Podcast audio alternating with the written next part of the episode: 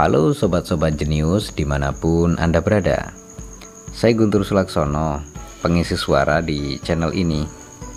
Saya sebenarnya lebih aktif untuk update buku-buku terbaru melalui channel youtube saya Namanya Baca Buku. Jadi buat teman-teman yang mau menyapa saya secara langsung Atau mau request buku-buku yang ingin dibacakan, teman-teman bisa mengunjungi channel YouTube saya, namanya Baca Buku.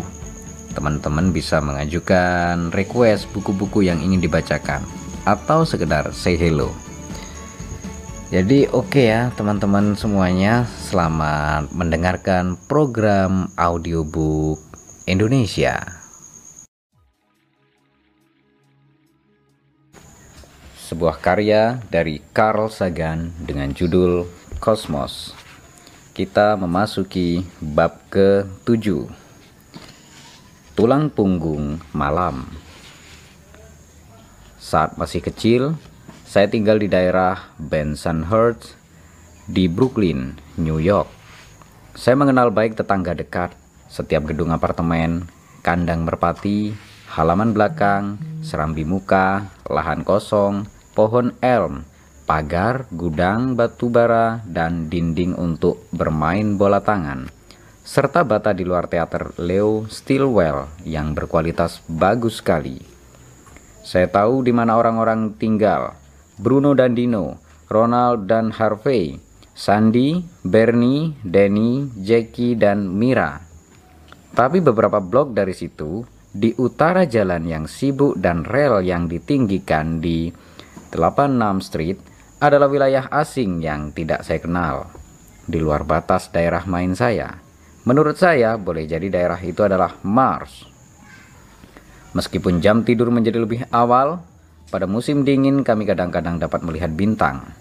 Saya akan memandangi bintang-bintang itu yang berkelip dan berada jauh. Dan bertanya-tanya bintang-bintang itu apa?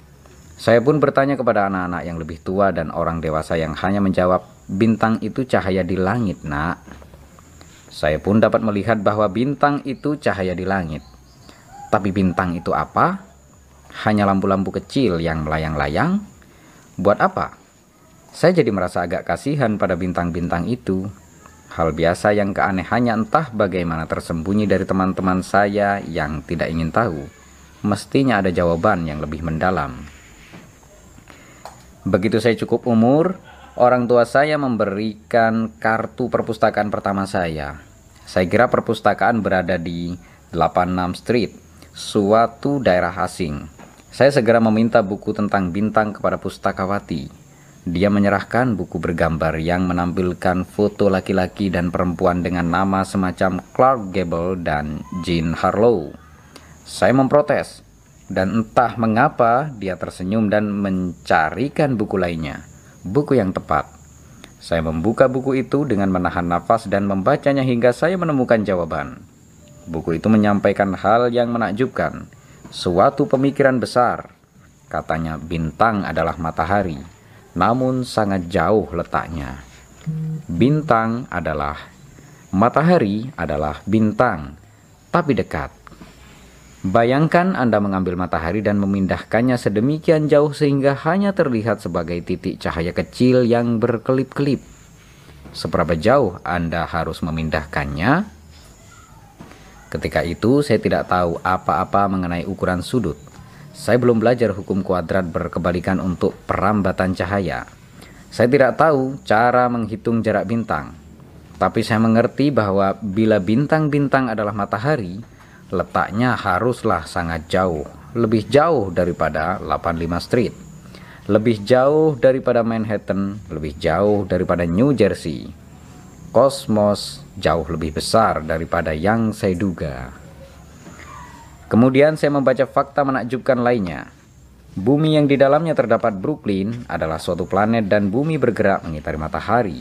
Ada juga planet-planet lain. Planet-planet itu juga mengitari matahari. Ada yang lebih dekat dan ada yang lebih jauh. Namun planet tidak memancarkan cahayanya sendiri seperti matahari. Planet hanya memantulkan cahaya dari matahari bila Anda berada jauh sekali. Anda sama sekali tidak akan melihat bumi dan planet-planet lainnya. Planet-planet itu hanya akan terlihat sebagai titik-titik yang berpendar redup, lenyap dalam cahaya matahari yang menyilaukan. Saya pun jadi berpikir, tidaklah aneh bila bintang-bintang lain juga memiliki planet-planet yang belum kita deteksi dan ada kehidupan di sebagian planet-planet itu. Kenapa tidak? Jenis kehidupan yang mungkin berbeda dengan kehidupan yang kita kenal, kehidupan di Brooklyn. Saya pun memutuskan akan menjadi ahli astronomi, mempelajari bintang-bintang dan planet-planet dan kalau bisa pergi mengunjunginya. Saya sangat beruntung karena punya orang tua dan guru-guru yang mendorong ambisi ganjil itu dan karena hidup pada zaman sekarang. Momen pertama dalam sejarah manusia saat kita sungguh-sungguh mengunjungi planet lain dan ikut serta dalam penyelidikan kosmos secara mendalam. Seandainya saya dilahirkan lebih awal, Sehebat apa pun dedikasi saya, saya mungkin tidak akan memahami apa itu bintang dan planet. Saya tidak bakal tahu bahwa ada matahari-matahari dan planet-planet lain. Itu adalah satu rahasia besar yang diperoleh dari alam melalui pengamatan tekun selama jutaan tahun dan pemikiran berani para pendahulu kita. Apakah bintang itu? Pertanyaan seperti ini sewajar senyuman bayi kita telah selalu mempertanyakannya.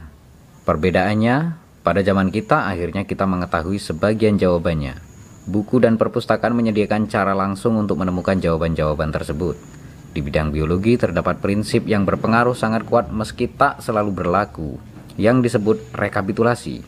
Dalam perkembangan embrio individu, kita menyusuri kembali sejarah evolusi spesies, Menurut saya, ada juga semacam rekapitulasi yang berlangsung di perkembangan intelektual individual kita.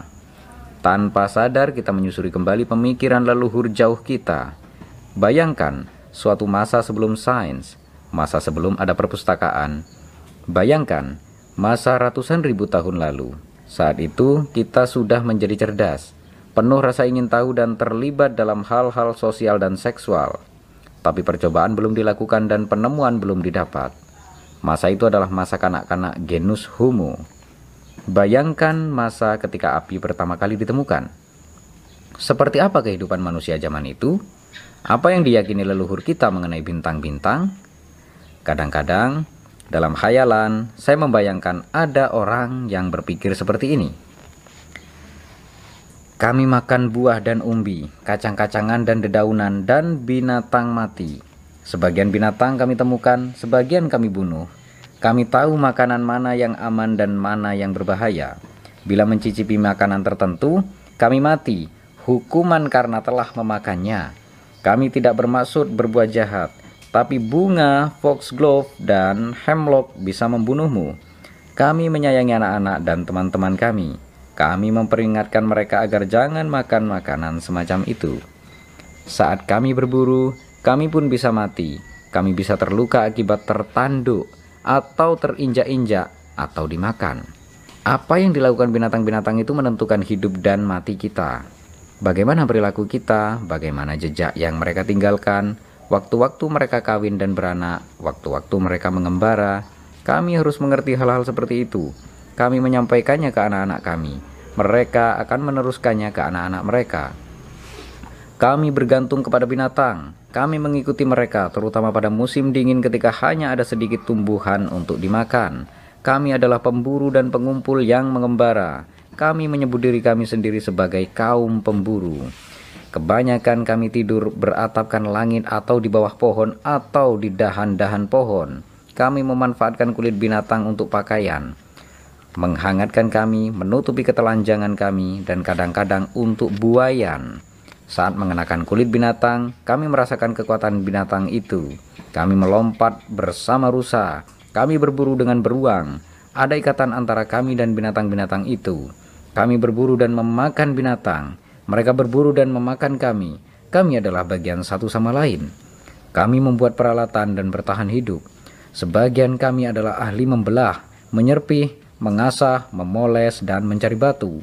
Sebagian batu kami ikat dengan urat binatang di batang kayu dan terciptalah kapak. dengan kapak itu kami memotong tumbuhan dan binatang. Batu-batu lainnya kami ikatkan di tongkat-tongkat panjang. Bila kami tenang dan waspada, terkadang kami bisa mendekati binatang lalu menikamnya dengan tombak. Daging membusuk, kadang-kadang kami lapar dan berusaha tidak mempertahan, memperhatikannya. Kadang-kadang kami mencampur tumbuhan dengan daging busuk untuk menyembunyikan rasanya. Kami membungkus makanan yang tidak akan busuk dengan potongan-potongan kulit binatang atau daun lebar atau kulit kacang yang besar. Lebih baik menyisihkan makanan dan membawanya. Jika kami menghabiskannya terlalu cepat, sebagian kami nanti akan kelaparan. Jadi, kami harus tolong-menolong. Oleh karena itu, kami memiliki peraturan. Semua orang harus mematuhi peraturan. Kami selalu memiliki peraturan. Peraturan itu sakral. Pada suatu hari terjadi badai dengan banyak kilat, petir, dan hujan. Anak-anak kecil takut badai, dan kadang-kadang begitu pula saya. Rahasia badai tersembunyi, guruh terdengar keras, kilat terlihat sekilas dan terang. Mungkin seseorang yang sangat berkuasa sedang marah sekali. Menurut saya, pasti seorang seseorang di langit. Setelah badai ada kerlap-kerlip dan retihan di hutan dekat sini. Kami pergi memeriksanya. Ada sesuatu yang terang, panas, melompat-lompat dan berwarna kuning dan merah di sana. Kami belum pernah melihat benda seperti itu sebelumnya. Sekarang kami menyebutnya api. Baunya spesial. Sepertinya benda ini hidup. Dia melahap makanan, dia melahap tumbuhan dan cabang pohon, bahkan seluruh pohon, seandainya dibiarkan. Benda ini kuat, tapi tidak begitu pandai. Bila seluruh makanan sudah habis, dia mati. Dia tidak akan melemparkan tombak dari pohon satu ke pohon lainnya jika tidak ada makanan di dekatnya. Dia tidak bisa berjalan tanpa makan, tapi bila ada banyak makanan, dia membesar dan membuat banyak anak api. Salah seorang di antara kami punya gagasan yang berani dan menakutkan, menangkap api, memberinya sedikit makanan dan berteman dengannya. Kami menemukan cabang kayu keras yang panjang. Api memakannya, tapi perlahan. Kami dapat memegangnya di ujung yang tak ada nyala api. Jika Anda berlari cepat dengan membawa api kecil, api itu mati Anak-anak api itu lemah. Kami tidak berlari. Kami berjalan sambil meneriakkan keinginan kami. Jangan mati, kata kami kepada api. Kaum pemburu lainnya memandang dengan mata terbelalak. Kami senantiasa membawanya serta kami punya induk api untuk memberi makan api secara berangsur-angsur supaya tidak mati kelaparan. Api itu ajaib dan berguna, sungguh-sungguh merupakan hadiah dari sosok-sosok yang sangat berkuasa. Apakah api itu sama dengan sosok yang marah saat terjadi badai? Api menghangatkan kami pada malam-malam yang dingin. Api memberi kami penerangan. Api membuat lubang-lubang di kegelapan saat bulan baru. Kami bisa memperbaiki tombak di malam hari untuk perburuan besok. Dan bila kami tidak lelah, di kegelapan pun kami bisa saling melihat dan bercakap-cakap. Dan bagusnya, api menghalau binatang. Kami bisa diserang pada malam hari Kadang-kadang kami dimakan, bahkan oleh binatang-binatang kecil, yaitu hiena dan serigala. Ini berbeda, sekarang api membuat binatang-binatang mundur.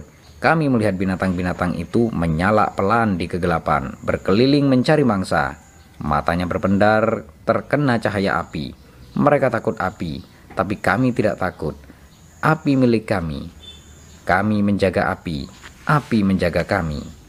Langit itu penting, dia menaungi kami, dia berbicara kepada kami sebelum kami menemukan api.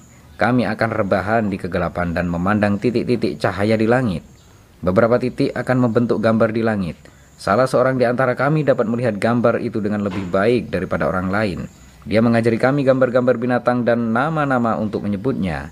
Kami akan duduk-duduk hingga larut malam dan mengerang dan mengarang cerita tentang gambar-gambar di langit itu singa, anjing, beruang, pemburu, juga benda-benda asing. Mungkinkah gambar-gambar itu adalah gambar-gambar sosok-sosok yang sangat berkuasa di langit yang menciptakan badai ketika marah? Langit tidak banyak berubah. Gambar-gambar bintang yang sama ada di langit dari tahun ke tahun. Bulan tumbuh dari tidak ada menjadi seleret tipis berwarna perak hingga menjadi bola bundar. Lalu kembali tidak ada. Ketika bulan berubah, perempuan-perempuan datang bulan Sebagian suku punya peraturan yang melarang berhubungan intim pada saat-saat tertentu selama bulan membesar dan mengecil.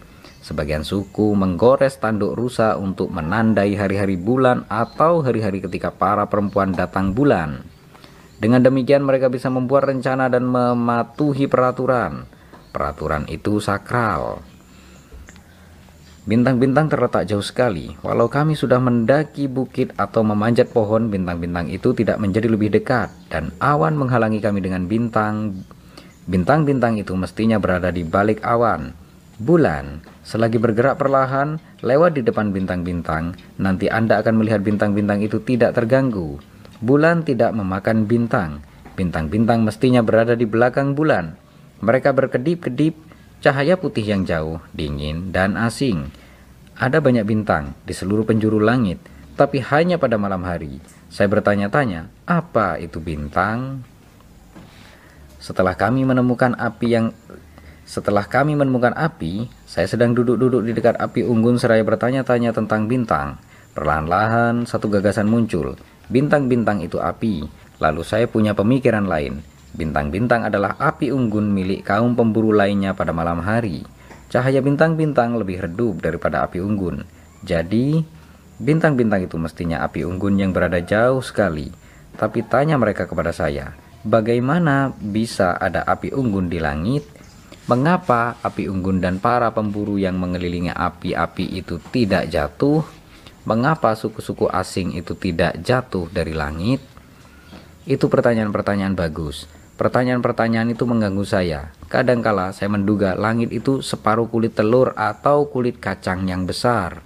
Saya membayangkan orang-orang di sekeliling api unggun yang jauh itu memandang kami yang ada di bawah. Bagi mereka itu berarti memandang ke atas dan menganggap kami berada di langit mereka dan bertanya-tanya mengapa kami tidak jatuh ke arah mereka. Jika Anda mengerti maksud saya, tapi kaum pemburu berkata, bawah itu bawah dan atas itu atas. Itu jawaban yang bagus juga. Ada pemikiran lain dari salah seorang di antara kami. Menurutnya, malam hari adalah kulit binatang amat besar dan berwarna hitam yang dihamparkan di langit. Ada lubang-lubang di kulit itu. Kami melihat melalui lubang-lubang itu dan kami melihat api. Menurutnya, Api tidak hanya ada di beberapa lokasi tempat kita melihat bintang-bintang. Menurutnya, api ada di mana-mana. Dia beranggapan api meliputi seluruh langit, tapi kulit binatang itu menutupi api, kecuali di bagian yang berlubang-lubang. Sebagian bintang mengembara seperti binatang yang kami buru, seperti kami. Jika Anda mengamati sang dengan cermat selama berbulan-bulan, Anda akan melihat mereka bergerak. Hanya ada lima bintang yang demikian, sebanyak jumlah jari di sebelah tangan. Mereka bergerak perlahan di antara bintang-bintang. Seandainya gagasan mengenai api unggun itu benar, bintang-bintang itu mestinya suku-suku pemburu yang mengelana sambil membawa api besar. Tapi saya tidak mengerti mengapa bintang pengelana menjadi lubang di kulit jika Anda membuat lubang, tentu saja lubangnya akan tetap ada di sana. Lubang adalah lubang. Lubang tidak berkeliaran. Lagi pula saya tidak ingin dikelilingi langit api. Bila kulit itu jatuh, langit malam akan terang, terlampau terang seperti melihat api di mana-mana. Saya kira langit api akan memakan habis kita. Mungkin ada dua macam penguasa di langit. Penguasa-penguasa jahat adalah yang menginginkan api melahap kita Sedangkan penguasa-penguasa baik adalah yang meletakkan kulit binatang untuk melindungi kita dari api. Kami harus mencari cara untuk berterima kasih pada yang baik-baik. Saya tidak tahu apakah binatang, apakah bintang-bintang benar merupakan api unggun di langit, atau lubang-lubang di kulit yang melaluinya api penguasa melihat kami. Terkadang saya menduga begini, kali lain saya menduga hal yang berbeda. Pernah saya berpikir tidak ada api unggun dan tidak ada lubang, tapi sesuatu yang lain. Itu pun sulit saya pahami. Sadarkan leher, sandarkan leher Anda di balok kayu. Kepala Anda akan mendongak. Lalu Anda akan melihat langit saja.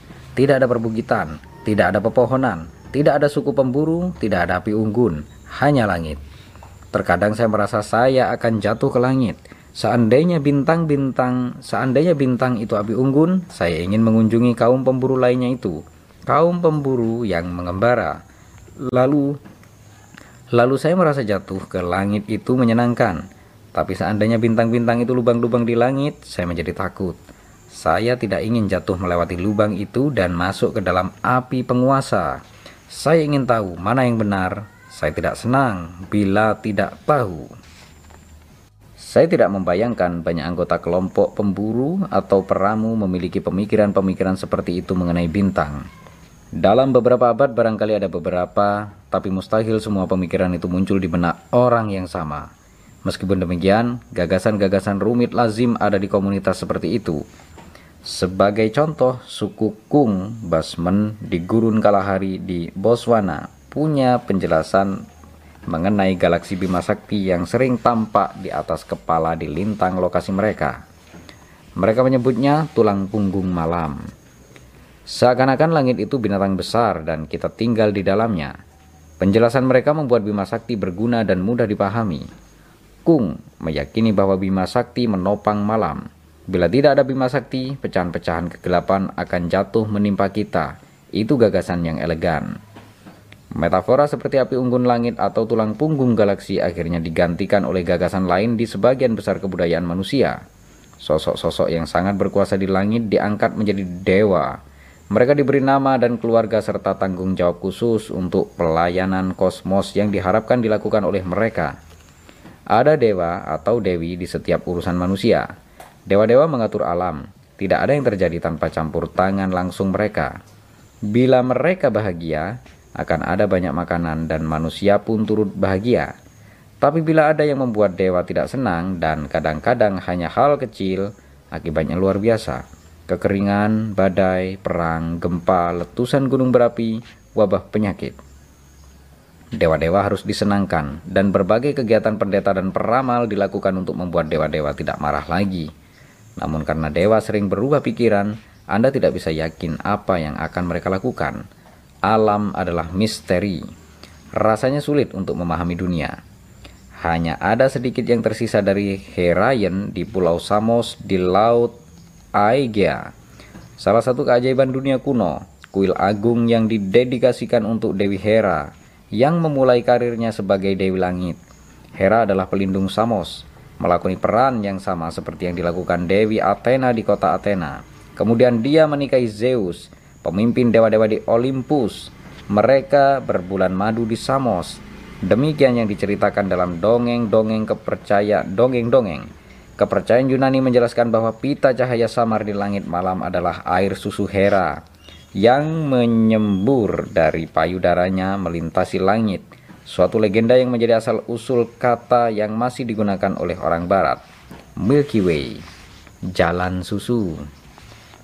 Mungkin itu aslinya menggambarkan pandangan bahwa langit memelihara bumi. Jika memang demikian, makna tersebut tampaknya sudah dilupakan beribu-ribu tahun lalu. Kita hampir semua di antara kita. Kita hampir semua di antara kita adalah keturunan orang-orang yang menanggapi bahwa bahaya-bahaya dalam kehidupan dengan membuat cerita mengenai dewa-dewa yang tidak bisa ditebak atau tidak puas.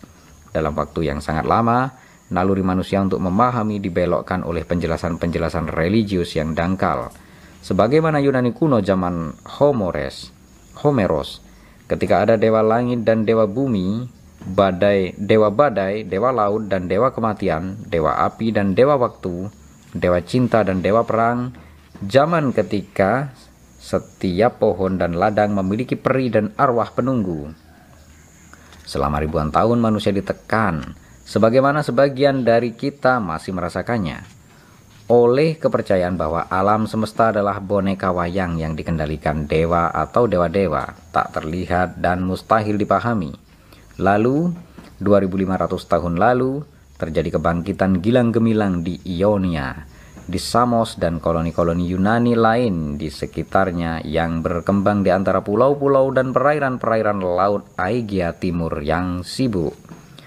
Tiba-tiba muncul orang-orang yang meyakini bahwa segala sesuatu tersusun dari atom, bahwa manusia dan binatang berasal dari bentuk-bentuk yang lebih sederhana, bahwa penyakit bukan disebabkan oleh jin atau dewa, bahwa bumi hanyalah planet yang mengitari matahari, dan bahwa bintang-bintang terletak sangat jauh.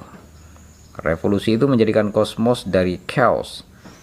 Orang-orang Yunani dahulu telah meyakini bahwa sosok yang pertama ada itu chaos yang berkaitan dengan kata di kitab kejadian dengan konteks yang sama yaitu tanpa wujud.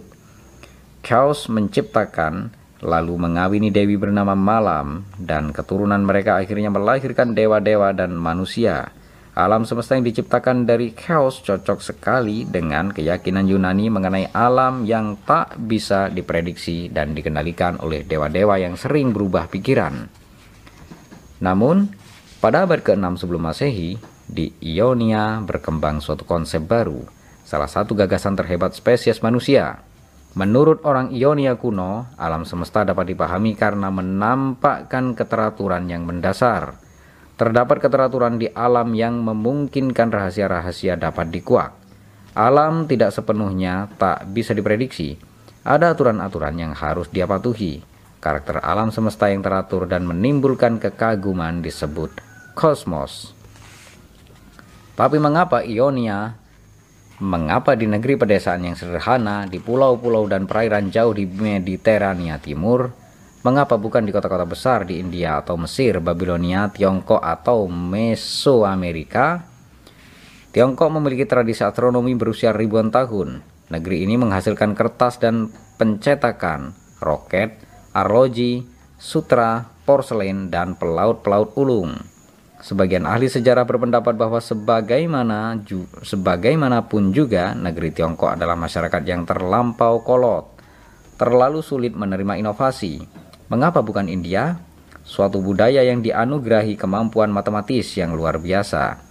Menurut sebagian ahli sejarah, alasannya karena kekaguman kaku terhadap gagasan alam semesta tua tak berhingga yang dikutuk untuk menjalani lingkaran kematian dan kelahiran kembali jiwa dan alam semesta yang tak putus-putus, yang pada dasarnya berarti tidak ada hal baru yang akan terjadi.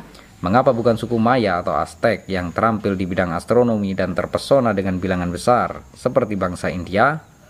Karena sebagian ahli sejarah menyatakan mereka tidak punya bakat atau keuletan membuat penemuan mekanis.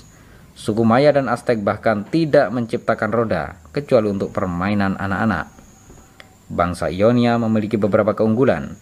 Ionia adalah dunia kepulauan, isolasi sekalipun tidak sempurna, melahirkan keberagaman, dengan adanya banyak pulau, sistem politik pun bermacam-macam. Tak satu pun konsentrasi kekuasaan yang bisa memaksakan keseragaman sosial dan intelektual di seluruh pulau. Penyelidikan bebas dimungkinkan. Penyebar luasan tahayul tidak dianggap kebutuhan politis. Berbeda dengan kebudayaan lain, kebudayaan Ionia berada di persimpangan peradaban, bukan di salah satu pusatnya di Ionia, alfabet Fenisia pertama kali diadaptasi menjadi alfabet Yunani sehingga memungkinkan terjadinya penyebar luasan literasi. Tulis-menulis bukan lagi monopoli para pendeta atau juru tulis. Gagasan orang-orang dapat dipertimbangkan dan diperdebatkan. Kekuatan politik berada di tangan para pedagang yang aktif mendorong kemajuan teknologi penopang kesejahteraan mereka. Di Mediterania Timur, peradaban Afrika, Asia dan Eropa termasuk kebudayaan Mesir dan Mesopotamia bertemu dan saling bertukar pandangan di dalam konfrontasi sengit perihal praduga, bahasa, gagasan, dan dewa. Apa yang akan Anda lakukan bila Anda dihadapkan ke dewa yang berbeda-beda dan masing-masing menguasai hal yang sama? Dewa Marduk Babilonia dan Dewa Zeus Yunani masing-masing dianggap sebagai penguasa langit dan raja para dewa. Mungkin Anda akan memutuskan Marduk dan Zeus sebetulnya sama. Mungkin Anda juga akan memutuskan karena keduanya memiliki sifat yang berbeda bahwa salah satunya hanyalah karangan para pendeta. Tapi jika satunya karangan, kenapa tidak keduanya sekalian? Dan demikianlah gagasan hebat itu muncul. Kesadaran bahwa barangkali ada cara untuk mengenal dunia tanpa hipotesis dewa, bahwa mungkin ada prinsip gaya hukum alam yang melaluinya yang melaluinya dunia dapat dipahami tanpa mempertalikan setiap jatuhnya burung pipit dengan campur tangan Zeus. Menurut saya, Tiongkok, India, dan Mesoamerika juga bisa memahami sains seandainya mereka diberi tambahan waktu. Kebudayaan-kebudayaan tidak berkembang dengan irama yang identik atau berevolusi mengikuti prosedur standar. Kebudayaan-kebudayaan muncul pada waktu yang berbeda dan berkembang dengan laju yang berbeda. Pandangan dunia sains bisa bekerja dengan baik, menjelaskan banyak hal, dan beresonansi begitu harmonisnya dengan bagian-bagian yang paling berkembang di otak kita sehingga menurut saya, pada akhirnya, nanti setiap kebudayaan di bumi dengan caranya masing-masing menemukan sains. Mesti ada satu kebudayaan yang menjadi yang pertama, dan ternyata Ionia lah yang menjadi tempat lahir sains.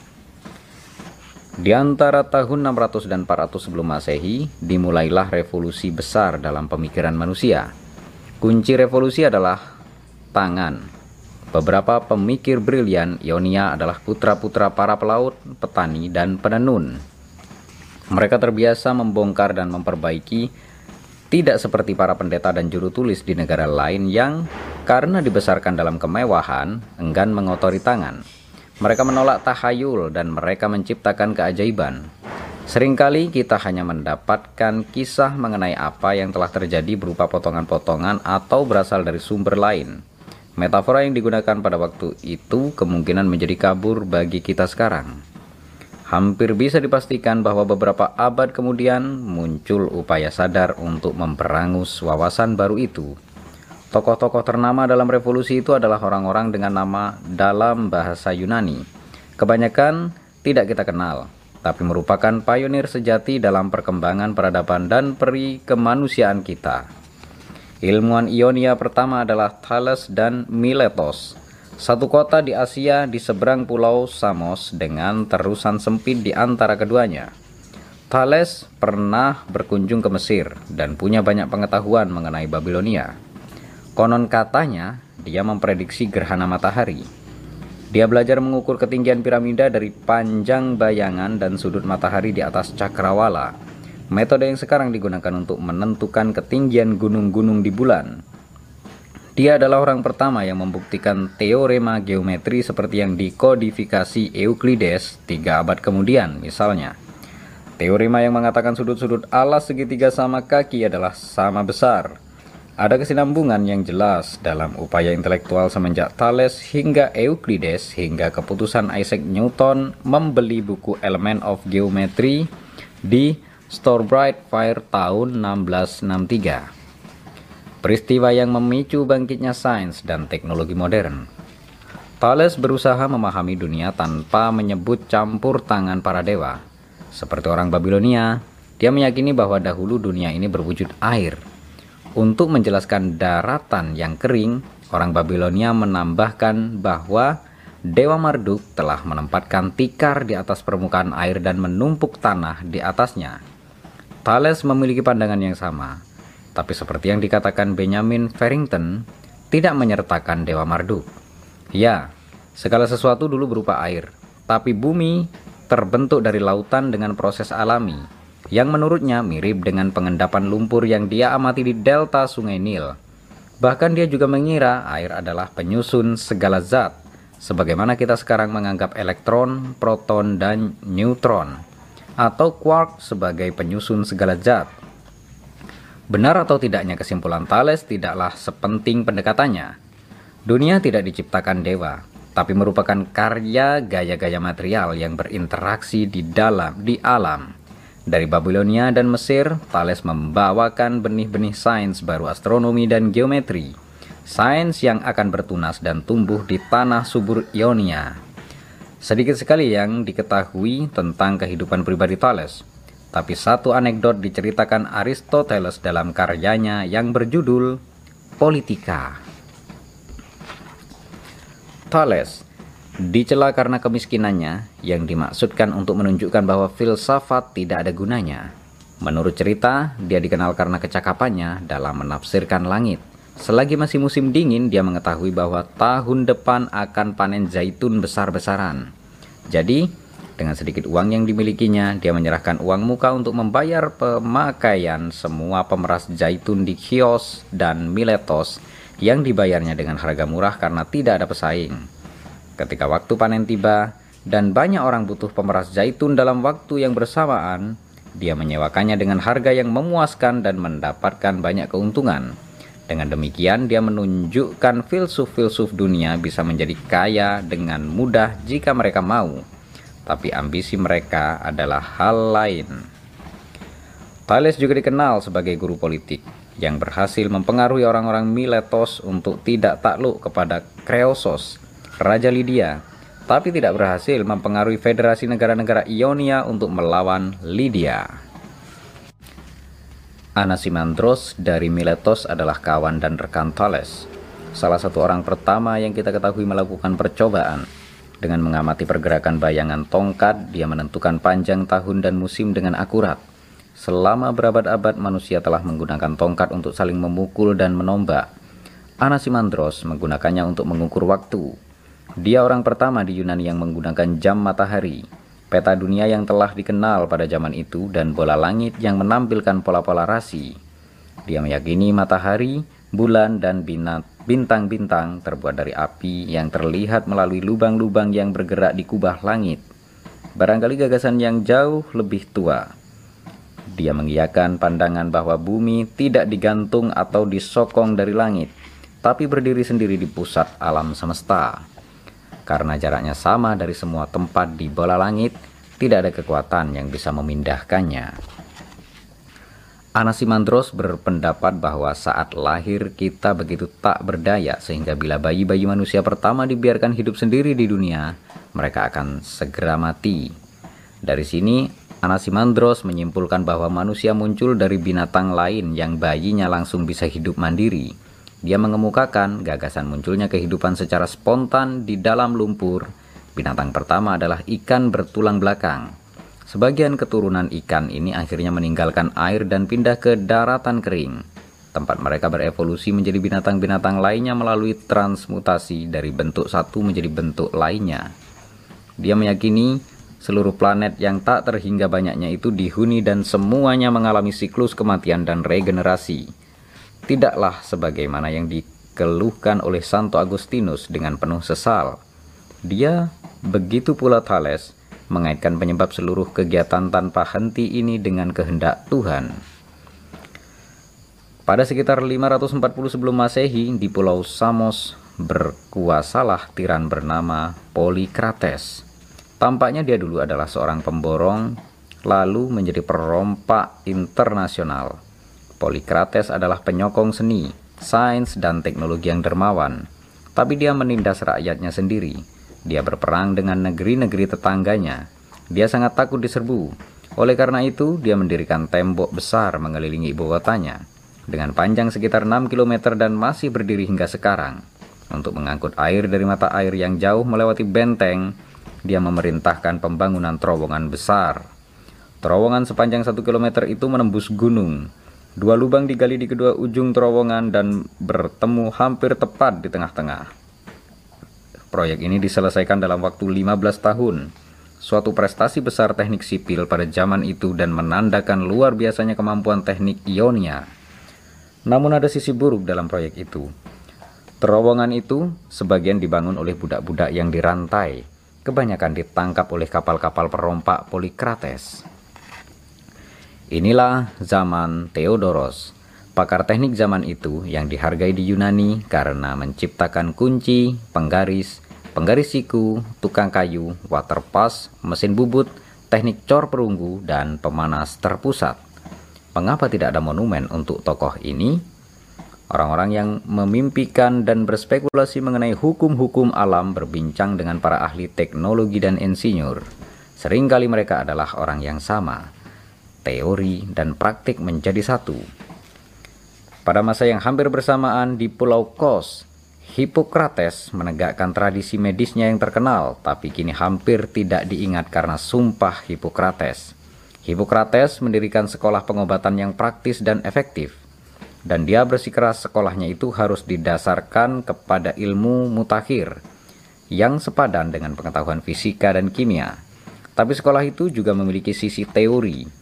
Dalam buku peri Archaias Iatrikes atau mengenai pengobatan kuno, Hippocrates menulis, Orang-orang menyangka epilepsi adalah perbuatan ilahi hanya karena mereka tidak memahaminya tapi bila mereka menyebut segala sesuatu itu berasal dari ilahi yang tidak mereka pahami, akan tidak ada habisnya hal-hal yang berasal dari ilahi. Pengaruh dan metode percobaan bangsa Ionia lambat laun menyebar ke daratan utama Yunani hingga ke Italia dan Sisilia. Pernah ada masa ketika nyaris tidak ada orang yang mempercayai adanya udara. Tentu saja mereka mengerti pernafasan dan mereka menganggap angin adalah napas para dewa. Namun, gagasan bahwa udara adalah zat statis tapi tak kasat mata tidak terbayangkan pada waktu itu. Percobaan pertama terhadap udara yang pernah tercatat dalam sejarah dilakukan oleh tabib bernama Empedocles yang hidup sekitar tahun 450 sebelum Masehi.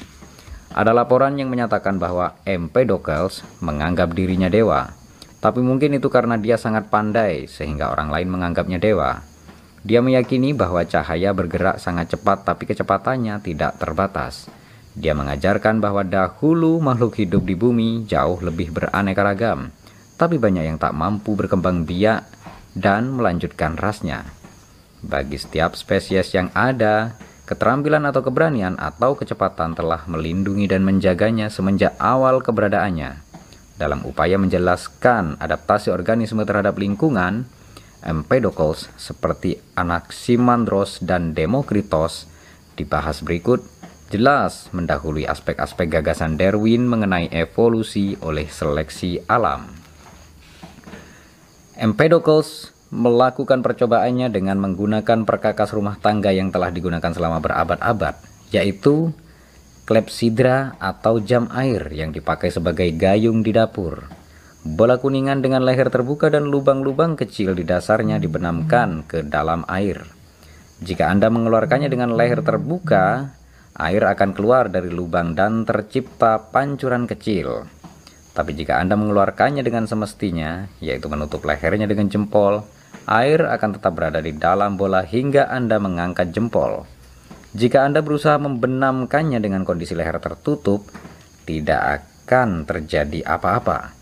Suatu zat pastilah mencegah air keluar dari klepsidra. Kita tidak dapat melihat zat tersebut. Zat apakah itu?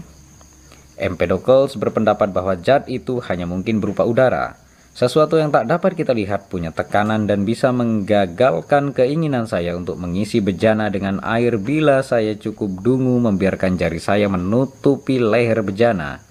Empedocles telah menemukan sesuatu yang tak kasat mata, udara. Menurutnya mestinya adalah zat yang terbagi-bagi sedemikian halus sehingga tidak terlihat. Empedocles dikatakan meninggal ketika mencoba apoteosis, yaitu proses berubahnya manusia menjadi dewa dengan melompat ke dalam lava panas di kaldera Gunung Etna.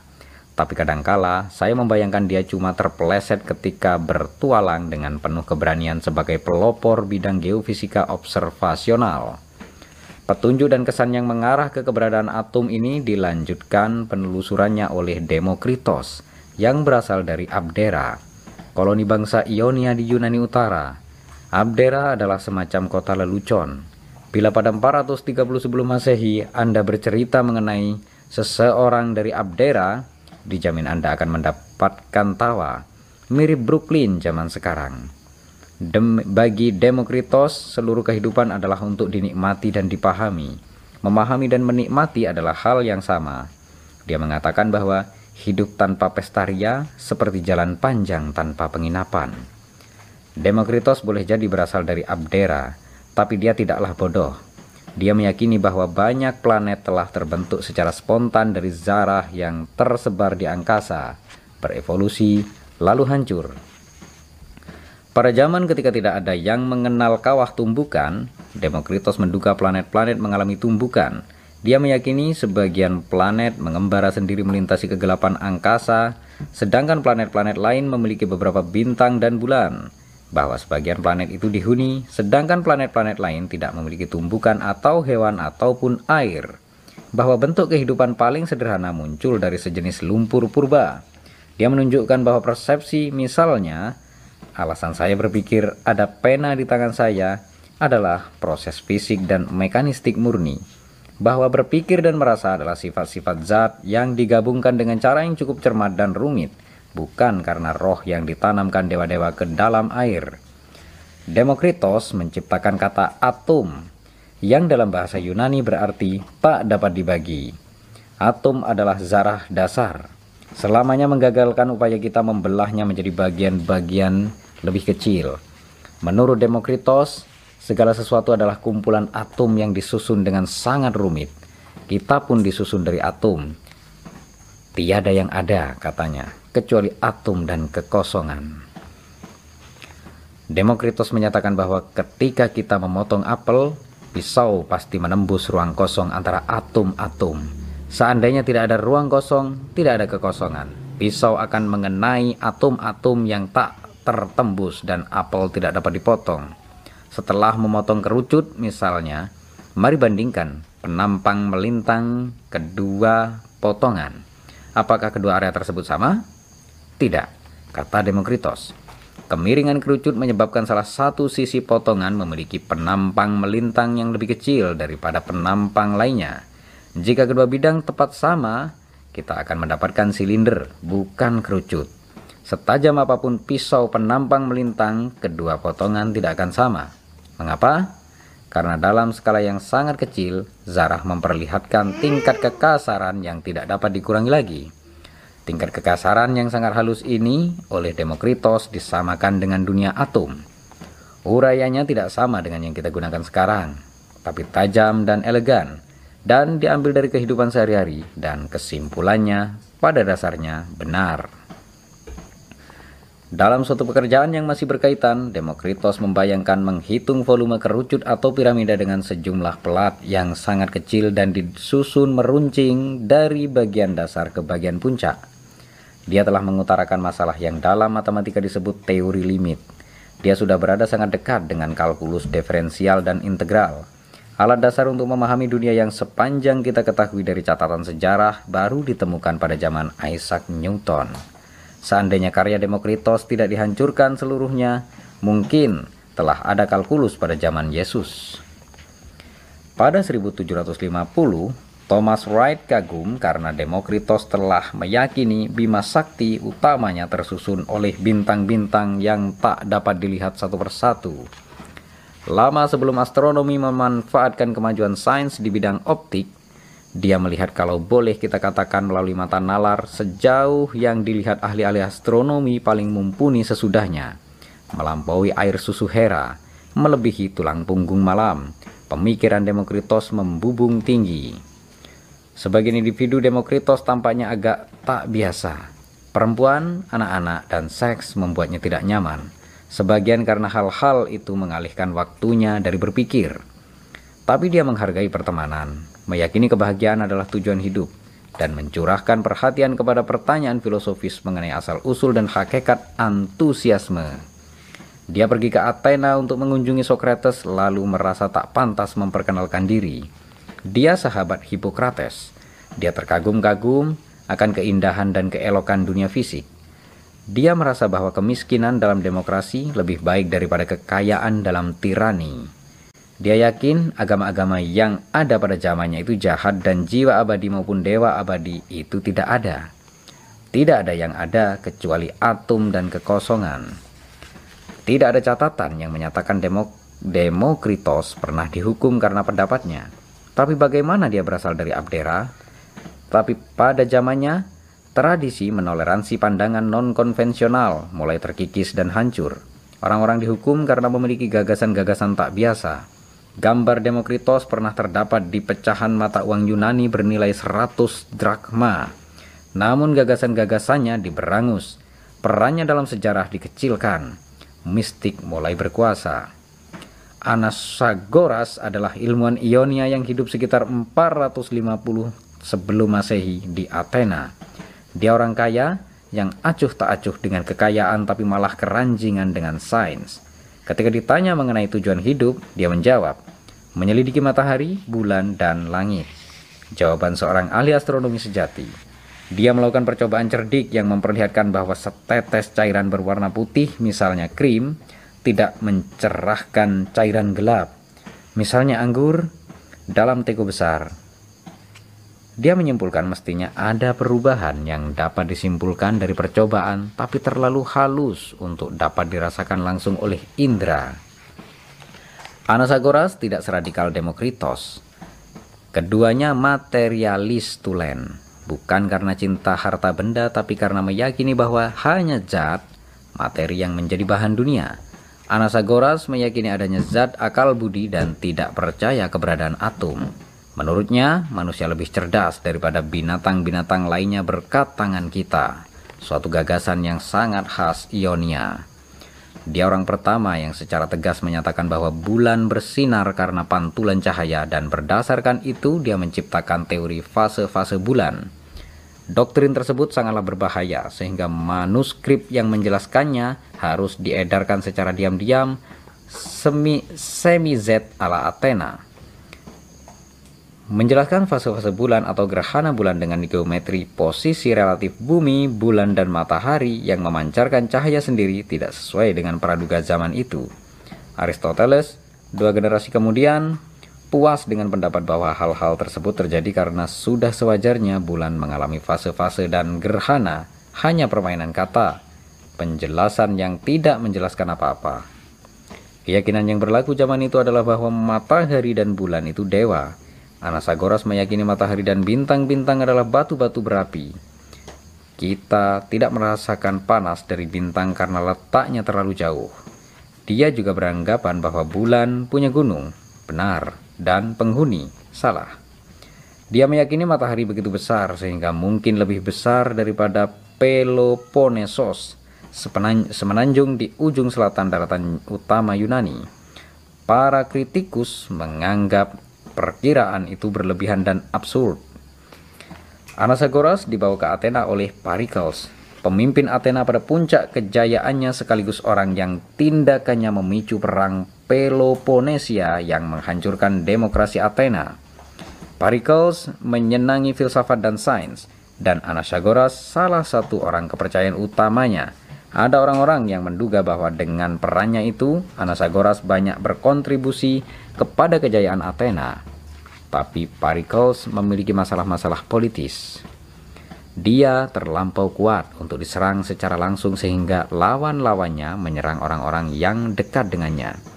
Anasagoras dianggap bersalah dan dipenjara melakukan kejahatan agama, yakni kesesatan, karena dia telah mengajarkan bahwa bulan terbuat dari zat biasa, bahwa bulan adalah suatu tempat, dan bahwa matahari adalah batu merah panas di langit pada 1638, Uskup John Wilkins berkomentar mengenai orang-orang Athena itu. Para pemuja berhala yang giat itu menganggap termasuk perbuatan menghina Tuhan bila Tuhan mereka itu dikatakan sebagai batu. Sementara mereka begitu tololnya dalam pemujaan berhala sehingga menjadikan batu sebagai Tuhan mereka. Pericles tampaknya mengatur pembebasan Anasagoras dari penjara, tapi dia terlambat. Di Yunani terjadi perubahan politik meskipun tradisi Ionia berlanjut di Alexandria, Mesir 200 tahun kemudian. Ilmuwan-ilmuwan hebat mulai dari Thales hingga Demokritos dan Anasagoras biasanya digambarkan dalam buku sejarah atau buku filsafat sebagai kelompok prasokratik. Seakan-akan tugas utama mereka adalah menjaga benteng filsafat hingga datangnya Socrates, Plato, dan Aristoteles dan barangkali sedikit mempengaruhi ketiga orang itu. Justru, orang-orang Ionia kuno itu melambangkan tradisi yang berbeda dan umumnya saling bertentangan. Tradisi yang sesuai dengan sains modern bahwa pengaruh mereka kuat dirasakan hanya selama dua atau tiga abad adalah kerugian bagi seluruh umat manusia yang hidup antara zaman kebangkitan Ionia dan Renaissance Italia yang tak dapat diganti. Mungkin Orang paling berpengaruh yang dikaitkan dengan Samos adalah Pitagoras, yang hidup sezaman dengan Polikrates pada abad ke-6 sebelum Masehi. Menurut kisah setempat, untuk beberapa lama dia tinggal di gua di Gunung Kerkis di Samos dan dia orang pertama dalam sejarah dunia yang menyimpulkan bahwa bumi berbentuk bulat. Mungkin dia berpendapat demikian dengan menganalogikan dengan bulan dan matahari atau memperhatikan lengkungan bayangan bumi di bulan selama gerhana bulan.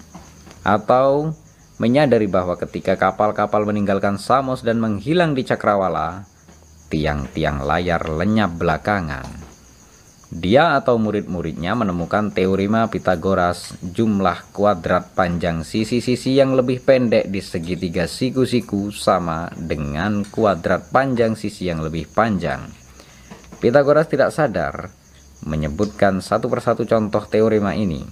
Dia mengembangkan metode deduksi matematis untuk membuktikannya secara umum.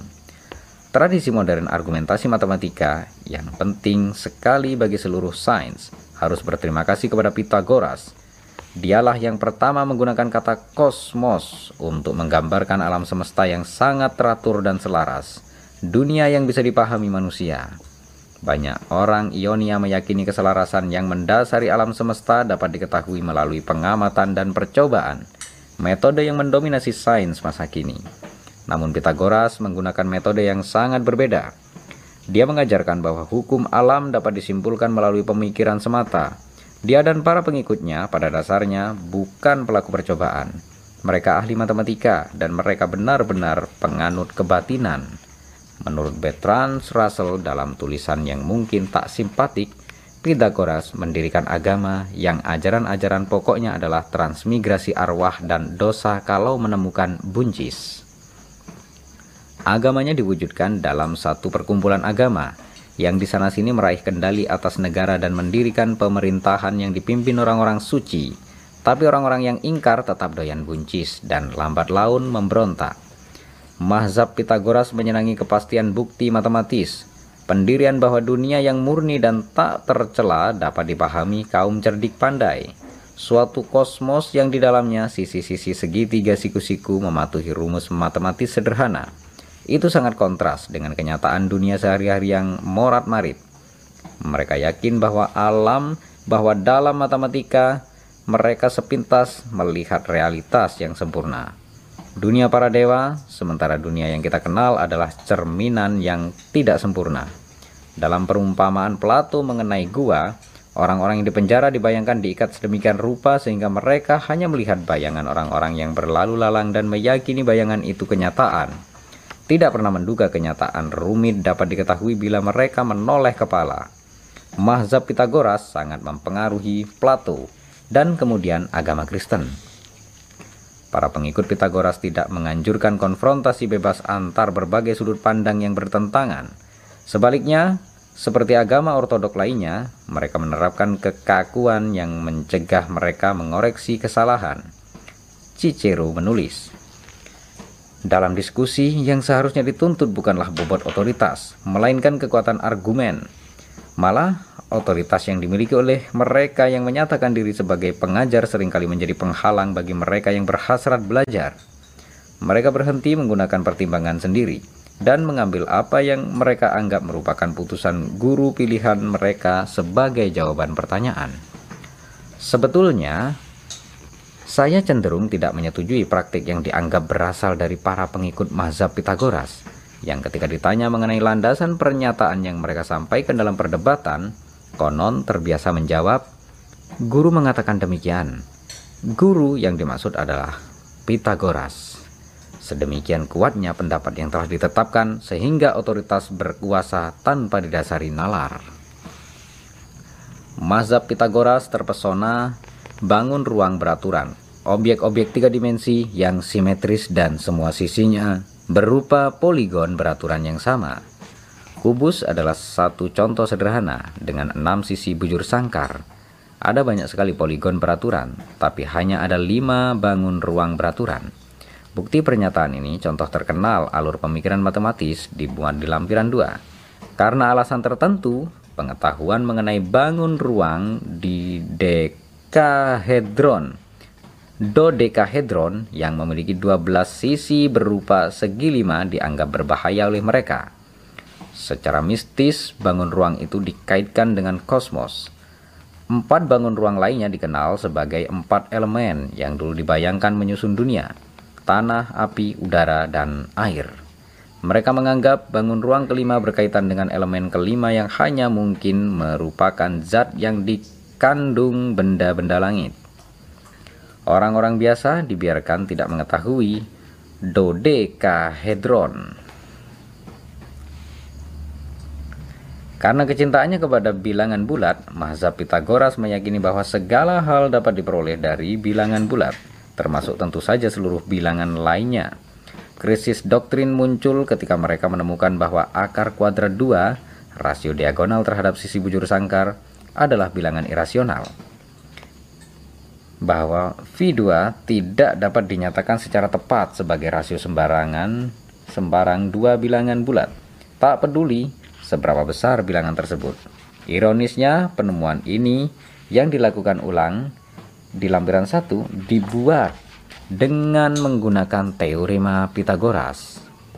Irasional awalnya hanya berarti bilangan yang tidak dapat dinyatakan sebagai rasio. Tapi bagi mazhab Pitagoras, hal ini menjadi ancaman, suatu petunjuk bahwa dunia mereka mungkin tidak masuk akal yang merupakan arti lain irasional pada zaman sekarang.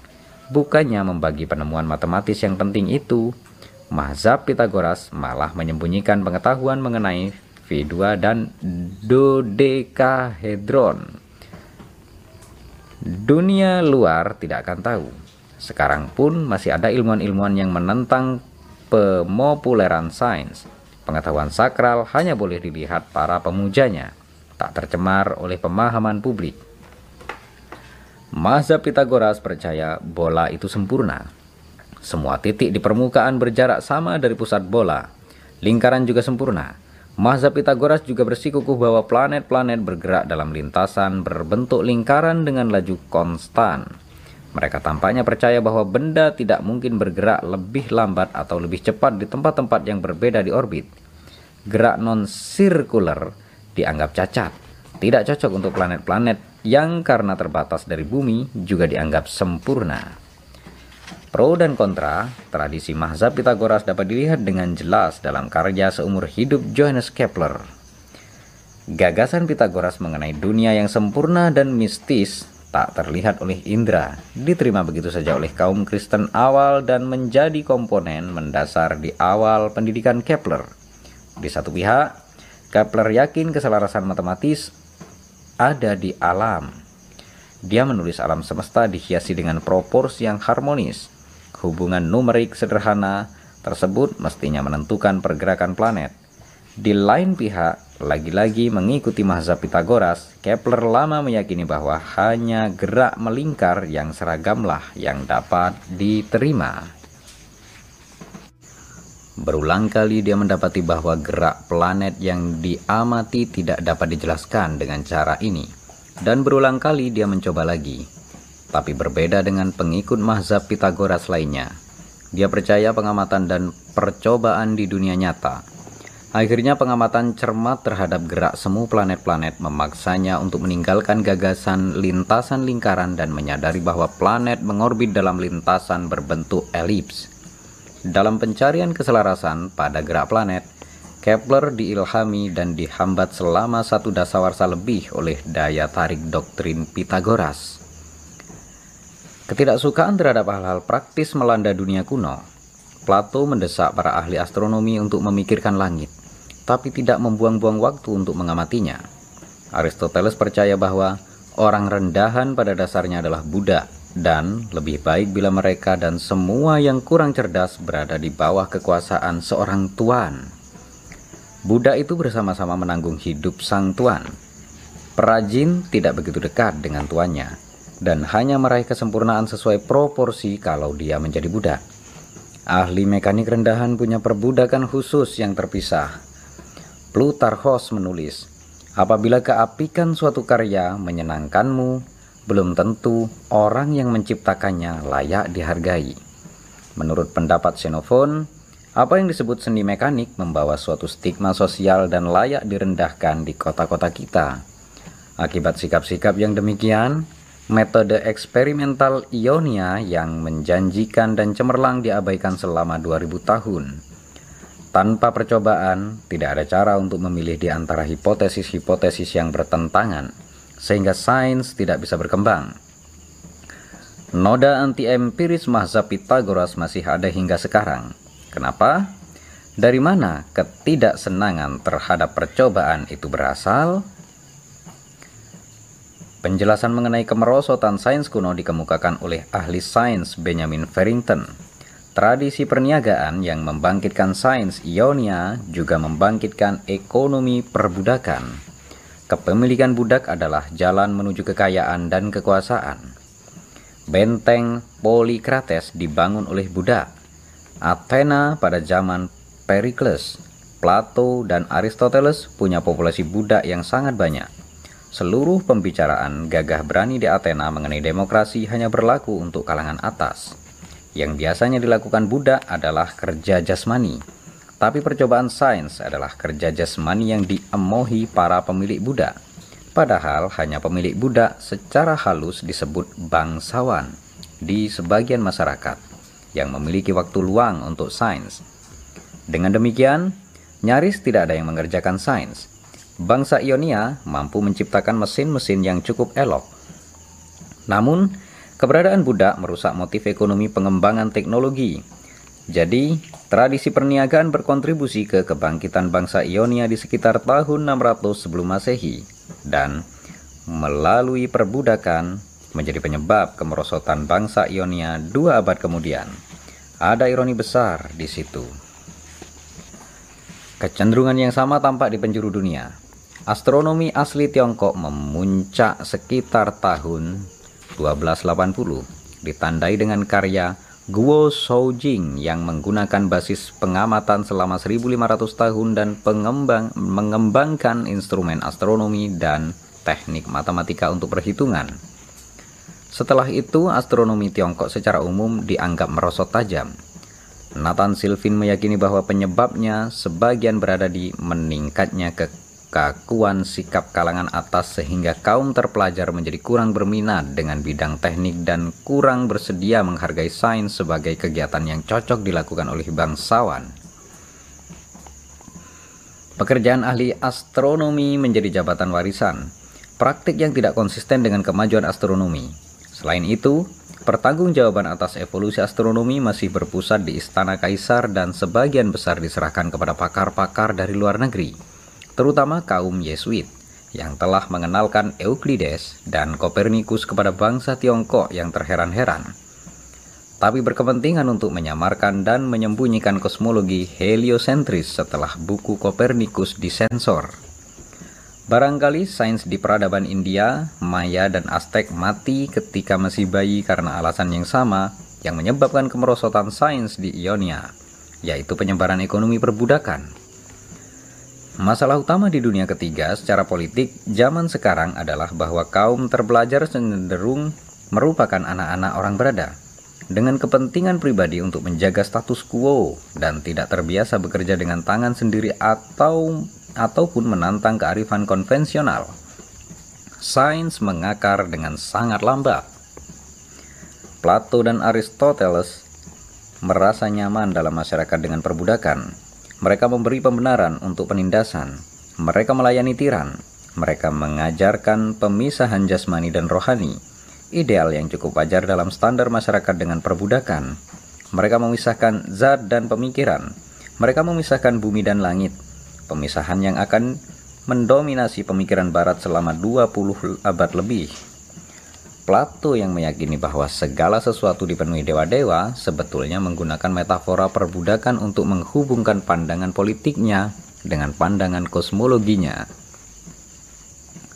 Dikatakan bahwa dia telah mendorong pembakaran seluruh buku karya Demokritos.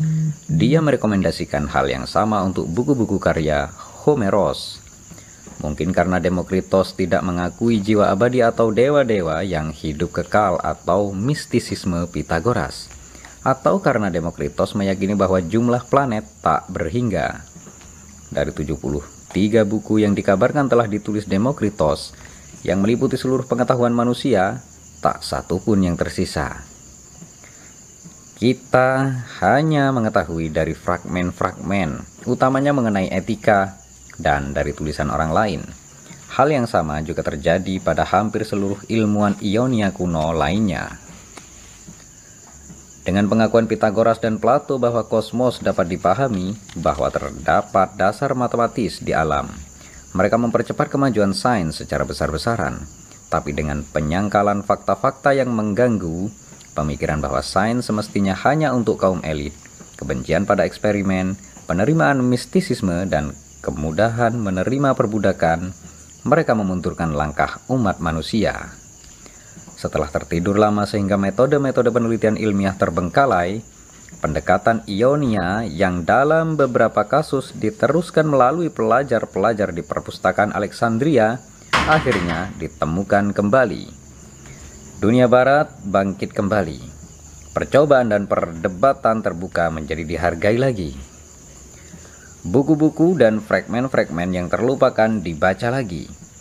Leonardo, Columbus, dan Copernicus terinspirasi oleh atau secara terpisah menelusuri kembali bagian-bagian tradisi Yunani kuno ini.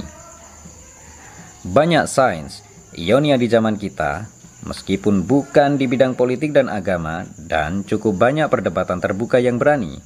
Namun, ada juga tahayul yang mengejutkan dan ambiguitas etika yang mematikan.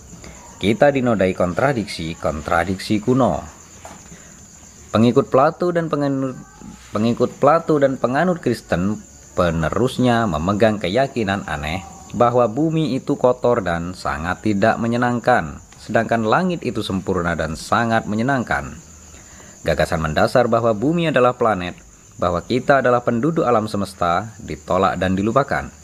Gagasan itu pertama kali dikemukakan oleh Aristarchus yang dilahirkan di Samos tiga abad setelah Pitagoras. Aristarchus adalah salah satu ilmuwan Ionia terakhir pada zaman itu. Pusat pencerahan intelektual telah berpindah ke perpustakaan Alexandria. Aristarchus lah orang pertama yang meyakini bahwa matahari dan bukan bumi berada di pusat tata surya, bahwa semua planet mengitari matahari alih-alih bumi. Seperti yang sebelumnya terjadi, tulisan-tulisannya mengenai hal ini lenyap dari ukuran bayangan bumi di bulan pada saat gerhana bulan, dia menyimpulkan bahwa matahari mestinya jauh lebih besar daripada bumi dan letaknya sangat jauh. Mungkin kemudian dia menalar bahwa mustahil bila objek sebesar matahari mengelilingi objek sekecil bumi. Dia meletakkan matahari di pusat dan menjadikan bumi berputar sekali pada sumbunya dalam waktu sehari dan mengitari matahari sekali dalam waktu setahun. Ini adalah gagasan yang sama dengan yang kita kaitkan ke nama Kopernikus yang oleh Galileo disebut-sebut sebagai orang yang mengembalikan dan menegaskan. Bukan penemu, hipotesis heliosentris selama 1800 tahun antara zaman Aristarchus dan Kopernikus. Tak seorang pun yang mengetahui susunan planet sebenarnya meskipun telah dijabarkan dengan sempurna sekitar tahun 280 sebelum Masehi. Gagasan ini menyakitkan hati sebagian orang pada zaman Aristarchus. Muncul tuntutan seperti yang disuarakan terhadap Anaxagoras, Bruno dan Galileo supaya Aris supaya Aristarchus dihukum karena kesesatannya. Sikap anti terhadap Aristarchus dan Kopernikus semacam geosentrisme dalam kehidupan sehari-hari masih menyertai kita. Kita masih menyebut matahari terbit dan tenggelam sudah 2200 tahun semenjak Aristarchus, tapi bahasa kita masih mengatakan seakan-akan bumi tidak berputar. Jarak antara planet-planet 40 juta kilometer antara bumi dan Venus saat berada di posisi paling dekat, 6 miliar kilometer antara bumi dan Pluto, mungkin akan mencengangkan orang-orang Yunani tersebut yang marah karena pendapat bahwa matahari mungkin sebesar Peloponnesos. Pada masa itu, Wajar Wajar bila menganggap tata surya lebih ringkas dan dekat. Bila saya meletakkan jari saya di depan mata lalu mula-mula melihatnya dengan mata kiri, kemudian dengan mata kanan, jari saya tampak bergerak relatif terhadap latar belakang. Semakin dekat jari saya, semakin jelas jari itu terlihat bergerak. Saya bisa memperkirakan jarak ke jari saya dengan menghitung besarnya gerak semu ini atau disebut dengan paralaks. Bila kedua mata saya terpisah lebih jauh, pergerakan jari saya akan tampak semakin jelas. Semakin jauh jarak antara pangkalan tempat kita melakukan pengamatan, semakin besar paralaks dan semakin baik pula pengukuran jarak objek-objek jauh yang kita lakukan. Namun, kita hidup di atas panggung bergerak. yaitu bumi yang setiap enam bulan bergerak dari satu sisi orbit ke sisi seberangnya, yang berjarak 300 juta kilometer. Jika kita melihat objek langit yang tidak bergerak dengan selang waktu 6 bulan, kita akan bisa mengukur jarak yang sangat jauh. Aristarchus menduga bintang-bintang merupakan matahari-matahari yang terletak sangat jauh. Dia menempatkan matahari di antara bintang-bintang tetap. Tidak terdeteksi paralaks bintang saat bumi bergerak menunjukkan bahwa bintang-bintang lebih jauh daripada matahari. Sebelum teleskop ditemukan, paralaks bintang-bintang terdekat pun terlalu kecil untuk bisa dideteksi. Paralaks bintang pertama kali diukur pada abad ke-19.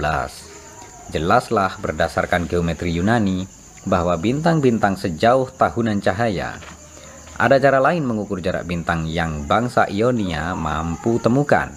Meskipun sepanjang yang kita tahu bahwa meskipun sepanjang yang kita tahu mereka tidak menerapkannya.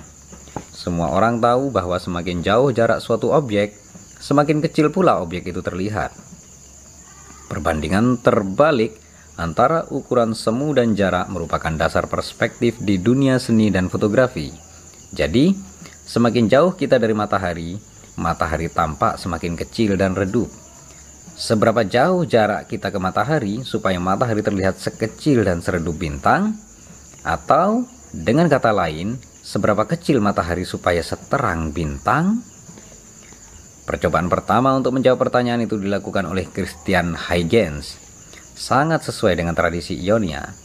Huygens melubangi lempeng kuningan lalu mengarahkannya ke matahari dan bertanya kepada diri sendiri lubang mana yang tampak secerlang bintang terang Sirius pada malam sebelumnya berdasarkan yang diingatnya. Secara efektif, lubang itu berukuran 1 berbanding 28.000. Ukuran semu matahari. Jadi menurutnya, Sirius mestinya 28.000 kali lebih jauh daripada matahari atau sekitar setengah tahun cahaya. Rasanya sulit mengingat terangnya bintang berjam-jam setelah Anda mengamatinya tapi Huygens dapat mengingat dengan baik. Seandainya dia mengetahui bahwa Sirius secara absolut lebih terang daripada matahari, dia akan mendapatkan jawaban yang nyaris tepat. Sirius sejauh 8,8 tahun cahaya. Kenyataannya bahwa Aristarchus dan Huygens menggunakan data yang tidak tepat dan menghasilkan jawaban tak sempurna bukanlah masalah. Mereka menjelaskan metode mereka dengan begitu gamblang sehingga ketika ada pengamatan yang lebih baik, jawaban yang lebih akurat dapat diperoleh. Antara zaman Aristarchus dan Huygens, umat manusia menjawab pertanyaan yang menggugah saya saat masih bocah yang tumbuh besar di Brooklyn. Apakah bintang itu? Jawabannya adalah bahwa bintang merupakan matahari yang amat besar dan terletak di jarak bertahun-tahun cahaya di luasnya ruang antar bintang. Warisan termasyur Aristarchus adalah sebagai berikut. Kita maupun planet kita tak berada di posisi istimewa di alam. Pandangan ini telah diterapkan ke arah atas pada bintang-bintang dan ke arah samping terhadap bagian-bagian keluarga manusia dengan sukses sekaligus banyak pertentangan. Pandangan ini berperan besar dalam kemajuan besar di bidang astronomi, fisika, biologi, antropologi, ekonomi, dan politik. Saya ingin tahu apakah ekstrapolasi sosialnya adalah penyebab utama munculnya upaya-upaya untuk menekannya. Warisan Aristarchus ini diperluas hingga melampaui dunia bintang. Pada akhir abad ke-18, William Herschel seorang musisi dan ahli astronomi yang mengabdi kepada Raja George ketiga di Inggris menyelesaikan pekerjaan memetakan langit dan mendapati bahwa jumlah bintang kurang lebih sama di segala arah baik di bidang ataupun di pita Bima Sakti. Dari penemuan itu, dia menyimpulkan dengan cukup masuk akal bahwa kita berada di pusat galaksi. Tepat sebelum Perang Dunia Pertama, Harlow Shapley dari Missouri menciptakan teknik untuk mengukur jarak ke gugus bola yakni kumpulan bintang-bintang yang membentuk bola menawan menyerupai kawanan lebah. Shapley menemukan lilin standar bintang atau stellar standard candle. Suatu bintang yang mencolok karena variabilitasnya, tapi selalu memiliki kecerlangan intrinsik rata-rata yang sama. dengan membandingkan keredupan bintang-bintang semacam ini yang ditemukan dalam gugus bola dengan kecerlangan sesungguhnya, sebagaimana yang telah dihitung dari bintang-bintang di dekatnya. Supply menghitung jarak bintang-bintang tersebut.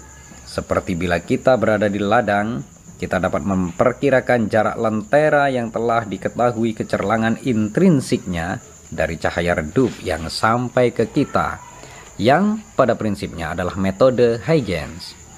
Shipley menemukan bahwa gugus bola bukan berpusat di dekat matahari, melainkan di daerah yang agak jauh di Bima Sakti, yaitu ke arah rasi Sagittarius, si pemanah.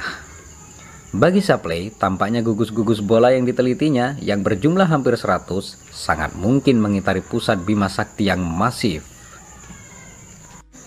Pada 1915, Shapley memberanikan diri untuk mengajukan gagasan bahwa tata surya berada di tepi dan bukan di dekat pusat galaksi kita. Herschel telah keliru akibat banyaknya debu penghalang di arah rasi Sagittarius. Dia tidak dapat melihat ada banyak sekali bintang di balik debu itu. Kini telah sangat jelas bahwa kita tinggal sekitar 30.000 tahun cahaya dari pusat galaksi, di pinggir lengan spiral, tempat yang cukup jarang bintangnya. Barangkali ada yang tinggal di planet yang mengitari bintang di salah satu gugus bola Shapley atau bintang yang berada di pusat gugus. Makhluk di sana mungkin mengasihani kita karena sedikitnya bintang yang dapat kita lihat dengan mata telanjang. Karena langit mereka akan diterangi oleh bintang-bintang, di dekat pusat Bima Sakti, jutaan bintang terang akan dapat dilihat oleh mata telanjang. Bandingkan dengan tak berartinya beberapa ribu bintang yang dapat kita lihat di posisi kita sekarang. Matahari atau matahari-matahari akan tenggelam, tapi malam tidak akan pernah datang. Bahkan, pada abad ke-20, para ahli astronomi meyakini bahwa hanya ada satu galaksi di kosmos, yaitu Bima Sakti. Meskipun pada abad ke-18, Thomas Wright dari Durban dan Immanuel Kant dari Königsberg masing-masing memiliki firasat bahwa bentuk-bentuk spiral terang yang dilihat melalui teleskop merupakan galaksi-galaksi lain. Secara terang-terangan Kan berpendapat bahwa M31 di rasi Andromeda adalah bima sakti lainnya yang terdiri atas banyak sekali bintang dan mengusulkan menyebut objek-objek tersebut dengan frase yang kuat dan terpatri dalam ingatan. Pulau alam semesta. Sebagian ilmuwan menimbang-nimbang bahwa nebula spiral bukanlah pulau alam semesta di kejauhan, melainkan awan gas antar bintang yang sedang berkondensasi dan berada agak dekat. Barangkali dalam proses pembentukan sistem-sistem keplanetan. Untuk menguji jarak nebula spiral, sekelompok bintang variabel yang secara intrinsik jauh lebih terang diperlukan untuk menjadi lilin standar baru Bintang-bintang semacam itu yang ditemukan oleh Edwin Hubble pada 1924 di M31 ternyata redup dan jelaslah bahwa M31 sangatlah jauh. Ini diperkirakan berjarak sedikit di atas 2 juta tahun cahaya. Tapi bila letaknya sejauh itu, M31 tidak mungkin hanya awan antar bintang. Seharusnya jauh lebih besar. Suatu galaksi yang sangat besar Sedangkan galaksi-galaksi lain yang lebih redup pasti lebih jauh lagi. Jumlahnya 100 miliar menembus kegelapan menuju perbatasan kosmos yang kita ketahui. Sepanjang keberadaan umat manusia, kita telah mencari posisi kita di kosmos. Pada masa kanak-kanak spesies kita ketika nenek moyang kita memandang bintang-bintang tanpa tujuan tertentu, di antara ilmuwan Ionia zaman Yunani kuno, dan pada zaman kita sendiri kita selalu tercengang oleh pertanyaan ini. Di manakah kita? Siapakah kita? Kita tahu bahwa kita menempati planet tak berarti di dekat bintang membosankan yang tersesat di antara dua lengan spiral di tepi satu galaksi dalam gugus galaksi yang anggotanya sedikit, tersembunyi di sudut terlupakan di alam semesta yang berisi lebih banyak galaksi daripada manusia. Sudut pandang ini merupakan kelanjutan kegemaran kita menyusun dan menguji model-model angkasa.